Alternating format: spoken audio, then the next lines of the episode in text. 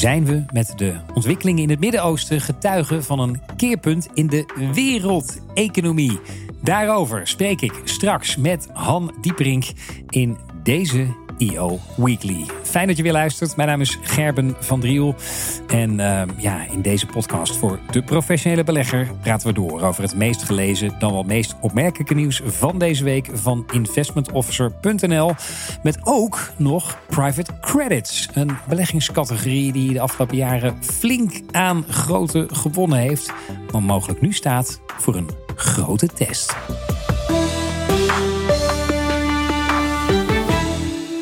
Maar we beginnen met obligaties. Uh, want deze week viel op investmentofficer.nl te lezen dat obligaties aantrekkelijker zijn dan spaargeld voor vermogende beleggers. Was getekend Richard Abma, Chief Investment Officer van OHV Vermogensbeheer. Uh, dat vraagt om nadere uitleg, dachten wij. Dus uh, Richard, fijn dat je bij ons bent. ja. ja, obligaties aantrekkelijker dan sparen op dit moment. Leg uit. Ja, kijk naar grotere, grotere vermogens. Hè. Als ik naar onszelf kijk, wij kijken vanaf 1 miljoen om, om spreiding te kunnen aanbrengen op vermogen. Ja.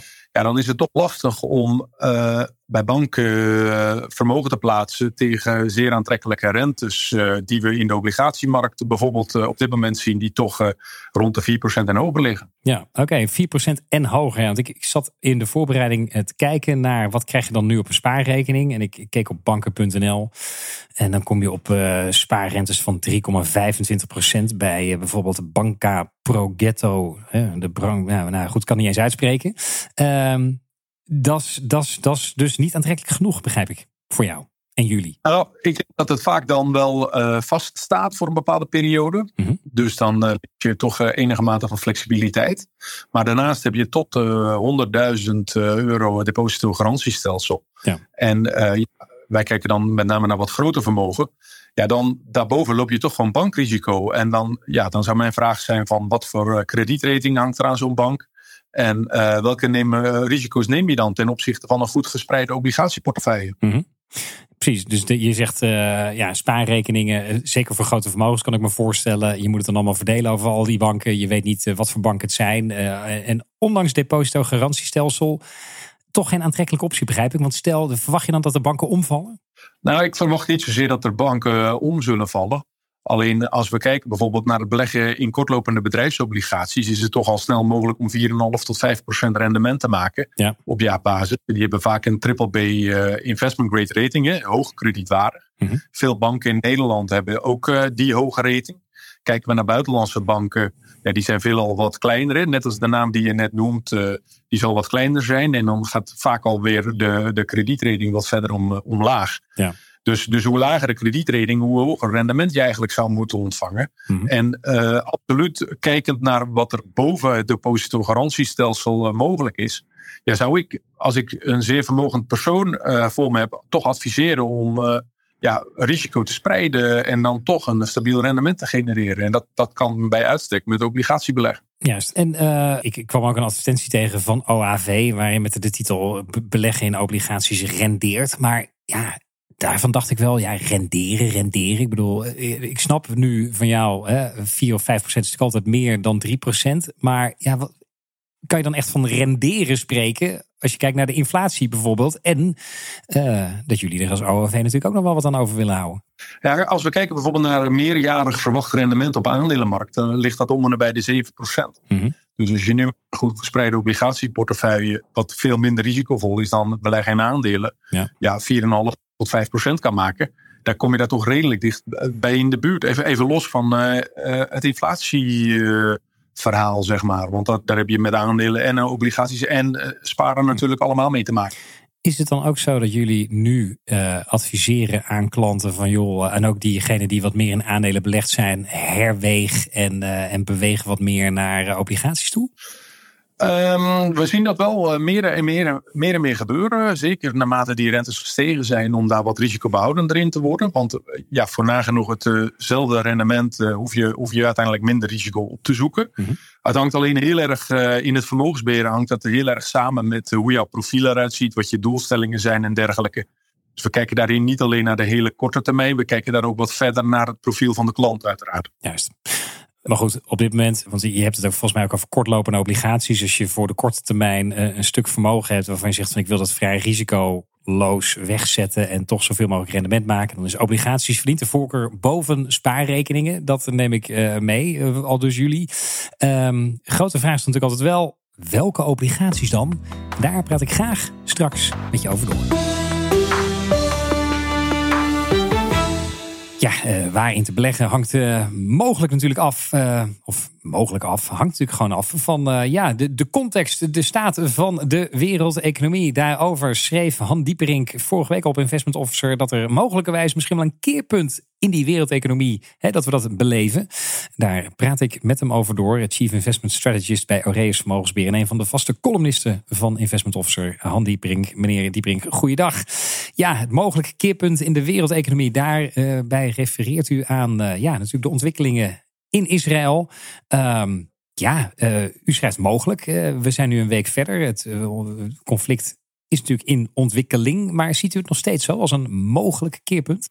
Nou ja, ik, ik, dat was natuurlijk een vergelijking getrokken met 1973. Dat was de Yom Kippur-oorlog. En dat zorgt natuurlijk voor de boycott uh, door, van Saudi-Arabië, in ieder geval richting de VS en ook in Nederland. Ja. En de bekende toespraak van de Nijl, die zegt dat het uh, nooit meer zou worden zoals het uh, was. Hè. Dat, mm -hmm. dat het voorlopig alles anders was. Ja, dat heeft natuurlijk ook de jaren 70 al ingeleid toen die olieprijs verdrievoudigde. Dat heeft ervoor gezorgd dat de inflatie lange tijd hoog bleef. en de vraag is dus of dit weer zo'n keerpunt is, net zoals 50 jaar geleden. Ja. En er zijn wel wat aanwijzingen, dus niet zozeer die boycott vanuit Saudi-Arabië, maar meer wel andere aanwijzingen dat er lijkt dat er toch ook wel een, uh, ja, een behoorlijke reactie is. Ook omdat het natuurlijk vergeleken wordt met uh, de aanvallen van uh, 11 september. Of zelfs al vergeleken met, met Pearl Harbor, wat dan eigenlijk een verrassingsaanval is. Ja. En juist dat verrassingseffect dat zorgt ervoor dus dat er ook een, toch een vrij harde tegenreactie moet komen. En die, de tegenreactie zal uiteindelijk misschien voor zorgen dat dit ook een keerpunt wordt. Ja, wat voor zover ik het conflict nu begrijp en ook u beluister en ook uh, nog terugdenkend aan de woorden van Jillis van de Beukel die we vorige week spraken in eh, EO Weekly, de energie-expert. Die zei van ja, kijk als het conflict beperkt blijft tot Israël-Palestina, verwacht ik niet 1, 2, 3 een reactie in de olieprijs uh, met alle gevolgen van dien. Maar ja, mocht het conflict zich uitbreiden en Iran erbij betrokken worden, et cetera, ja, dan zou je dat eventueel wel kunnen gaan zien. Dat is ook waar u dan op doelt, neem ik aan. Dat mocht blijken dat dit conflict groter wordt, de olievlek zich uitspreidt, om het zo maar te zeggen, dan zou dit wel eens een keerpunt kunnen zijn. Of, of heeft u nog andere aanvullende inzichten op dit punt? Nou ja, het, eerste inzicht is gewoon van als je dus zo'n verrassingsaanval hebt wat vergelijkbaar is met 11 september of Pearl Harbor, dan moet je wel hard reageren. Zoals ze toen ook hard gereageerd hebben. En ze moeten hard reageren omdat ze binnenlands natuurlijk gewoon anders uh, geen, niet geen reden van bestaan hebben. Om, ja, die, die eist gewoon een harde reactie. Ja. En ook bij een terroristische organisatie moet je ook hard reageren, anders schrikt dat niet af. Dus dat zijn de twee opties. Mm-hmm. En die harde reactie, ja, die komt natuurlijk met verschrikkende beelden, verschrikkelijke beelden gaat die gepaard. Ja, dat zal ook wel voor opstand zorgen in de Arabische wereld. Niet zo specifiek Iran, maar ook daarbuiten. Ja, en dan raakt natuurlijk wel uh, zeg maar mogelijke sancties in de vorm van olie. Uh, maar Iran, ja, het is duidelijk dat Iran erbij betrokken is. En je ziet ook dat de eerste sancties richting Iran al gaan. Er zit al 6 miljard bevroren. Notabene via Qatar, wat op zich toch wel redelijk vriendelijk is, ook richting uh, Iran. Uh, ja, dat is 6 miljard aan oliegeld. Die is meteen uh, zeg maar bevroren door de Amerikanen. Mm -hmm. En Iran heeft natuurlijk qua olieboycott heeft het onder Biden relatief gemakkelijk gehad. Dus Trump had de olieproductie van Iran gereduceerd tot ongeveer 500.000 vaten per dag. Daar is zeker een miljoen vaten per dag bijgekomen. Ja, en Biden heeft wat dat, dat, dat betreft een beetje wat verkeerde paard gewet. En probeert nu de komende dagen nog te redden wat er te redden is. Maar ik ben bang dat als je kijkt naar de Amerikaanse nek-en-nek race tussen Biden en Trump, dat dit misschien wel is ervoor kan zorgen dat Trump dan wint en niet dan Biden. Hm. Nou, als Trump nog een keer wint, dan kun je wel spreken van een keerpunt, denk ik, in de wereldeconomie. Ja. Want dat heeft al grote gevolgen. En dat is dan net door dit onderdeel. Dus net door wat er in het Midden-Oosten gebeurt, ja. dat je dat dan uh, ziet. Want het ligt natuurlijk heel gevoelig in de Amerikaanse verkiezingen. Precies, dus de kettingreactie die het zou kunnen veroorzaken, zou niet alleen uh, ja, tot een, een, een grote conflict kunnen leiden met de verstoring van de olieprijs bijvoorbeeld. Maar ik hoor u dus ook zeggen, het kan ook voor de Amerikaanse politiek gevolgen hebben. De presidentsverkiezing kan net een andere kant uitvallen. Dan, ja, dan heb je toch, uh, kun je dus inderdaad spreken van een, ja, een soort domino-effect met ingrijpende gevolgen. Nu zijn wij natuurlijk geen van alle geopolitici, et cetera. We zijn Uh, ik vraag me dan af, hè, dit, dit, dit uh, gezegd hebbende en zich dit realiserende, hoe bent u dan binnen Aureus bijvoorbeeld, hoe gaan jullie hier dan mee om? Wat voor consequentie heeft deze wetenschap voor het beleggingsbeleid bijvoorbeeld? Nou ja, de belangrijkste vraag is er een mogelijkheid om je hier tegen te beschermen. En de enige echte mogelijkheid die ik zie, is door te beleggen in oliefondsen. Dus als je kijkt naar oliefondsen, je ziet naar de oliemarkt, dan zie je dat die al vrij krap is. Je ziet dat oliefondsen dan ben nog heel laag gewaardeerd zijn. Dat heeft te maken met het, dat zware accent op zeg maar duurzaam beleggen. Mm Iedereen heeft gezegd, nou, we, we, willen niet meer in olie beleggen. Daardoor zijn die waarderingen daar klagen. Ja. En tegelijkertijd blijft iedereen wel volop olie gebruiken. We verstoken nog steeds 103 miljoen vaten per dag. Dat is een nieuw record eigenlijk. Mhm. Dus daar zie je echt helemaal niet, geen enkele hapering eh, in. En, en ja, de, de voorraden zijn historisch laag. Er wordt niet meer geïnvesteerd in olie. Dat betekent dat de kaststromen hoog zijn en heel aantrekkelijk voor beleggers. Ja. En als de olieprijs doorschiet naar richting de 150 dollar per vat, bijvoorbeeld omdat uh, Iran de straat van Hormuz afsluit, ja, dan uh, is dat een prettige compensatie natuurlijk in portefeuille. Dus ik verwacht dat dat misschien een, een goede hedge is. Tegelijkertijd, als de olieprijs hard stijgt, en dat hebben we in het verleden natuurlijk ook vaker gezien, we zitten tegen een recessie aan, ook in de Verenigde Staten. Het is nog net geen recessie, maar ja, een, een, een sterke stijging van de olieprijs heeft in het verleden vaak zeg maar, een recessie veroorzaakt. Mhm. En die recessie kan natuurlijk Biden net niet gebruiken voor de verkiezingen, want als de dan op zijn gat ligt, ja, dan wordt het een stuk lastiger ook om die uh, verkiezingen dan te winnen. Ja. Er zitten meerdere factoren aan. Dus je kan deels een recessie hier aankomen. En dat is ook waar je bijvoorbeeld wat zwaarder gaat zitten in obligaties. Misschien wat langer in duration. Mm Dus waar we in portefeuilles gepositioneerd zitten. En ook bijvoorbeeld een overweging met de oliefondsen. Dat dat eh, een impliciete hedge is tegen een uh, ja, verdere escalatie. Ik stel me dus voor bij Aureus ook. Jullie zitten natuurlijk regelmatig met elkaar in vergadering. Uh, dit wordt vastgesteld. En dan is nu de opdracht aan al diegenen die contact hebben met klanten. Van nou, masseer ze een beetje richting de oliefondsen. Moet ik het zo? Moet ik nou, nee, het, het, zit, het zat al wat langer in. Omdat die olie hedge eigenlijk ook al natuurlijk vanuit de inflatiekant een, de enige hedge was. Als je kijkt naar de, de analyse maakt van de inflatie. Zie je dat inflatie door verschillende zaken veroorzaakt wordt. Maar veel van die dingen waren wel degelijk tijdelijk. Dus dat betreft hadden centrale banken best wel goed gezien. Want uh, ja, natuurlijk, de, de, de corona-effecten die waren tijdelijk. De oorlog in uh, Oekraïne had een tijdelijk effect. Mm -hmm. Maar wat dus niet tijdelijk is, is natuurlijk dat het tekort aan grondstoffen, wat nu eigenlijk speelt. Dus het gaat niet alleen om olie, maar ook om andere grondstoffen. Dat het wel degelijk uh, op termijn voor meer inflatie kan zorgen. Dus als hedge tegen inflatie had olie al eens. Het was ook gewoon aantrekkelijk gewaardeerd. En daar komt dit eigenlijk nou bij. Want we hebben natuurlijk afgelopen maanden, jaren gezien. Dus dat er eigenlijk ook een verzoening was tussen Iran en Saudi-Arabië, bewerkstelligd door de, Chinezen. Uh, dat was een soort vredesdividend geïncasseerd in het Midden-Oosten. Nee, ik in ieder geval zeggen dat dat vredesdividend je wel geleidelijk weer kwijtraakt. Ja. Ik neem aan dat polarisatie hiervan het gevolg is. En vervelend genoeg niet alleen in het Midden-Oosten, maar ook ver daarbuiten. Dus ook ver buiten. Dus uh, kijk maar gewoon hier in, het, uh, in West-Europa, maar ook in de VS. Dus dat er uiteindelijk toch wel een polarisatie is tussen aan de ene kant mensen die pro-Palestina zijn. En aan de andere kant mensen toch wel gewoon uh, ja, zo'n opkomend antisemitisme wat je toch duidelijk ziet. Dus dat, ik vrees dus dat daar nog wel wat consequenties aan gebonden zijn. Dat is, maakt het dan niet leuker natuurlijk. Maar nee. Nee. ja, dat is wel de consequentie hoe je het in portefeuille doet. Ik, ik, dus ik heb de portefeuille was al redelijk gepositioneerd op mogelijk een recessie, op mogelijk een, eh, een dalende rente. Dus een rente die dan wat zou kunnen dalen. Dus, maar uh, uh, ja, olie is eigenlijk de enige manier om zeg je, te, te beschermen tegen dit soort ontwikkelingen. Juist, en ja, meer daarover in de zojuist verschenen column van Han Dieprink op investmentofficer.nl. Meneer Dieprink, dank u wel weer voor uw bijdrage. Graag tot de volgende.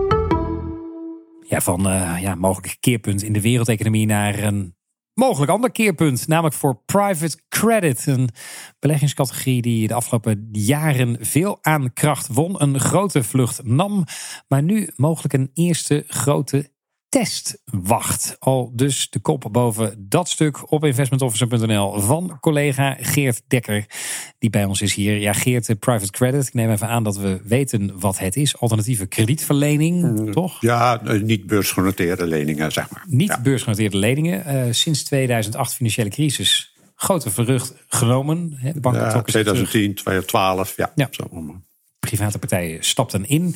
En ja, nu dan dus eerste grote test. Verklaar u nader. Hoezo grote test? Ja, grote test. Uh, dat zit hem in de, in de macro-economische omstandigheden toch. Die uh, ja, zijn toch wel de recessie zou komen of niet komen. Of een, een zachte landing of een, een harde crash. In ieder geval, wat je wel ziet is de faillissementen nemen al toe. Mm de rente is dus omhoog gegaan, inflatie omhoog. Nou, dat verhaal, dat kennen we allemaal. Ja, uh, ja dit gaat er gewoon over uh, hoe goed doen bedrijven het en hoeveel bedrijven gaan er omvallen. En als je dan geld hebt geleend aan een bedrijf dat omvalt, ja, dat vind jij ook niet zo leuk.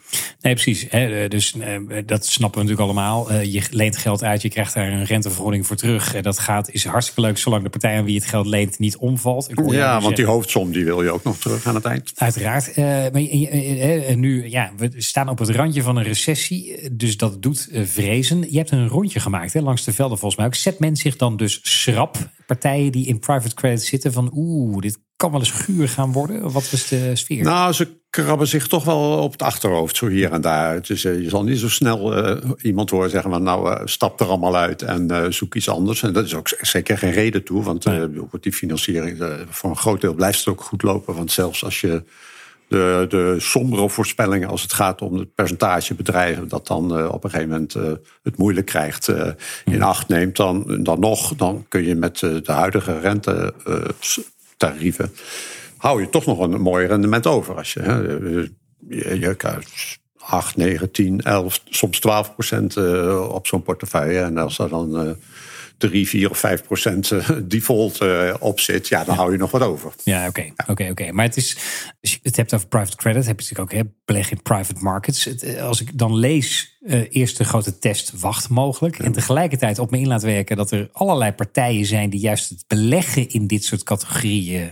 op de kaart aan het zetten zijn. Hè? Uh, zoals bijvoorbeeld ING, viel ja. langs te lezen op investmentoffice.nl. Ja. Dan denk ik, ja, dat is, dat is wel een beetje een vreemde timing dan. Ja, nou ja, die, die zijn dan ook een beetje laat. De, hm. de, degene die zich het afgelopen vier, vijf maanden gemeld heeft, die, dat, die komen na de grote golf. Die grote golf, die, die, die was er de afgelopen jaren. Met name institutionele beleggers uh, en de grote asset managers die zich echt serieus uh, daarover bogen. En nu zijpelt dat door naar, eh, naar, ook naar particuliere beleggers en naar uh, de, de vermogende klanten van grote banken. Mm -hmm. ja, daar zijn speciale producten ook voor ontwikkeld. En dat kost natuurlijk ook even tijd. Dat als je ziet van nou, dit is veelbelovend. En dan, dan ga je als vermogensbeheerder eens kijken wat kunnen we daarmee. Ja. Ja, en de ene staat wat sneller mee dan de ander. Ik neem aan dat eh, bijvoorbeeld een ING, als ze dit soort dingen nu lanceren en tegelijkertijd naar de marktomstandigheden kijken, dat ze er niet volop in zullen zetten waarschijnlijk. Dat is niet, misschien iets om, om, om eens uit te gaan zoeken. Ja, dat, uh, daar heb ik ze niet uitgebreid over gesproken. Nee, dus dat moet je even, moet ik even laten. Dat, dat gaan we nog eens uitzoeken misschien. Maar uh, ja, tot slot. Uh, ja, private credits. Nogmaals, grote vlucht genomen. Afgelopen jaren zit heel veel geld wereldwijd in. En nu met die draaiende economische omstandigheden. Nou ja, wacht er mogelijk een, een, een, een test. Uh, ja, wat nu te doen als belegger in private credits? Wat, uh, hoe ja, te navigeren? Ja, hoe te navigeren. Ja, kijk, wat heel veel uh, pensioenfondsen bijvoorbeeld ook al, die, ja, die zitten al aan hun tax die, voor, wat betreft hun dit soort categorieën. Dus die zullen echt niet zoveel meer dat, dat belang niet, niet vergroten. Hm andere beleggers die er wel over denken. Ja, kijk, de kwaliteit van de manager doet er toch wel echt toe. Ook als het uh, gaat, welke sector kies je uit? Uh, als het gaat om het percentage mogelijke defaults wat daarin zal optreden. Dus je hebt ja. sectoren die meer risico en wat minder. En de ene manager is ook meer bedreven in het terughalen van, uh, van leningen als het eenmaal lastig wordt. Hè. Dat is die bekende recovery rate, ja. die toch ook op 60, 70 procent vaak zit. Dus ook al gaat een bedrijf dan failliet, is het toch, gaat het vaak om senior loans, echt grote uh, met, uh, leningen met veel zekerheden. Mm -hmm. Waardoor je toch nog een flink deel van je geld uh, kan terugkrijgen. En die kwaliteit om dat te doen, die is ook van belang. Dat zal gaan blijken dan dus eigenlijk. Dus als ik het moet samenvatten, private credit, grote vlucht genomen. Nu dreigt, dreigt de economische wind te draaien. En nu zal, om met Warren Buffett te spreken, blijken wie op het private credit gebied zijn zwembroek aan heeft als het waterpeil gaat zakken. ja, zo kun je het ook zeggen, ja. Wij zijn bijzonder benieuwd en blijven dat op de voet volgen. Oké, okay. dankjewel. Terug naar uh, ja, wat uh, risicolozer beleggen. Obligaties. Ik sprak er uh, begin deze uitzending over met Richard Abma, Chief Investment Officer van OHV Vermogensbeheer. die stellen kortlopende obligaties zijn op dit moment aantrekkelijker dan sparen voor vermogende particulieren. maar goed, dan is natuurlijk de hamvraag: welke obligaties dan? ja, wat zou jij daarop antwoorden, Richard? Waar kijken jullie vooral naar nu? Um, ja, dat is, een, dat is een hele goede vraag. Uh, wij kijken in eerste instantie naar een uh, portefeuille, afhankelijk ook van de wensen van de klant natuurlijk. Uh, bijvoorbeeld staatsobligaties in Nederland, kortlopend, ja, die renderen nu rond de 3, 3 kwart procent rente. als we dan bijvoorbeeld naar zogenaamde dubbel E genoteerde, hoog, zeer hoog kredietwaardig papier kijken, dan zouden we bijvoorbeeld kunnen kijken naar een Berkshire Hathaway. Die heeft obligaties uitstaan in euro's.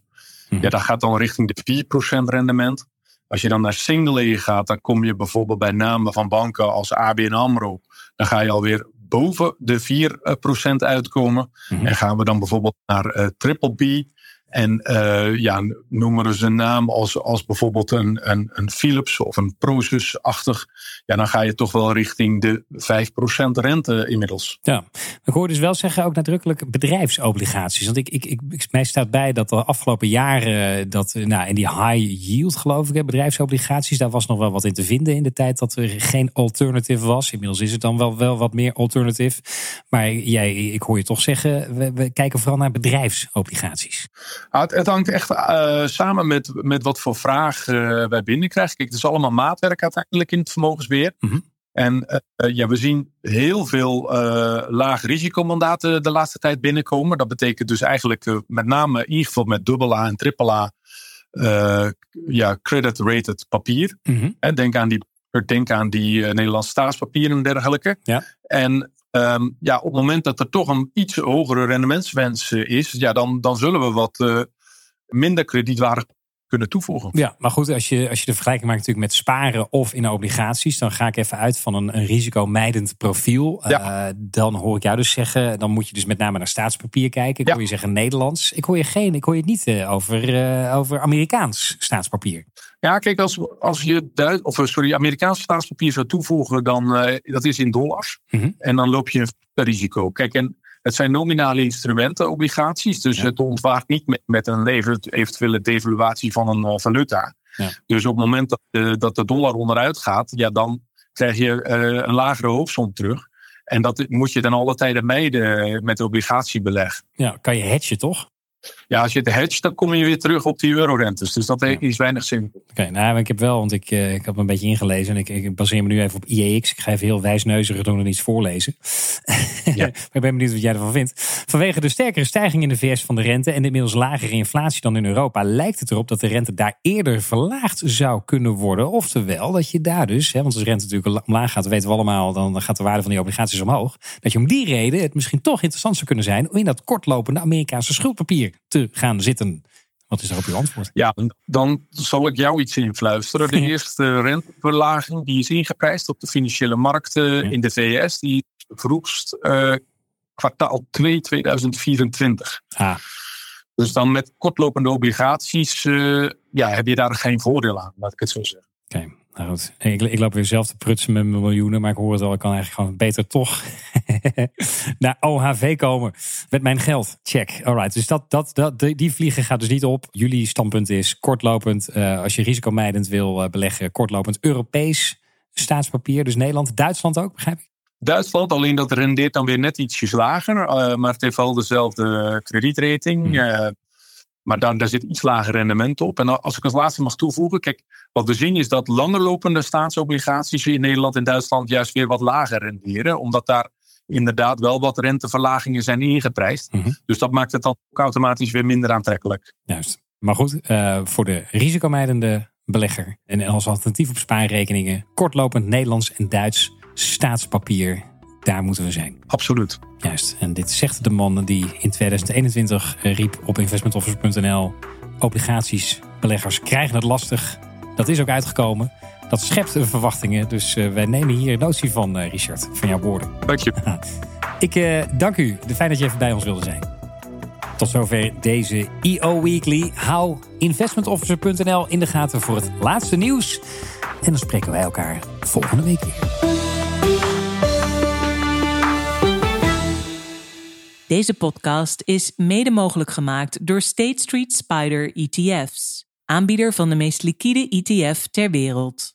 Let op, beleggen is onderhevig aan risico's en kosten. In het verleden behaalde resultaten bieden geen garantie voor de toekomst. Lees altijd de essentiële beleggersinformatie. Ga voor meer informatie naar ssga.com forward slash ETF's.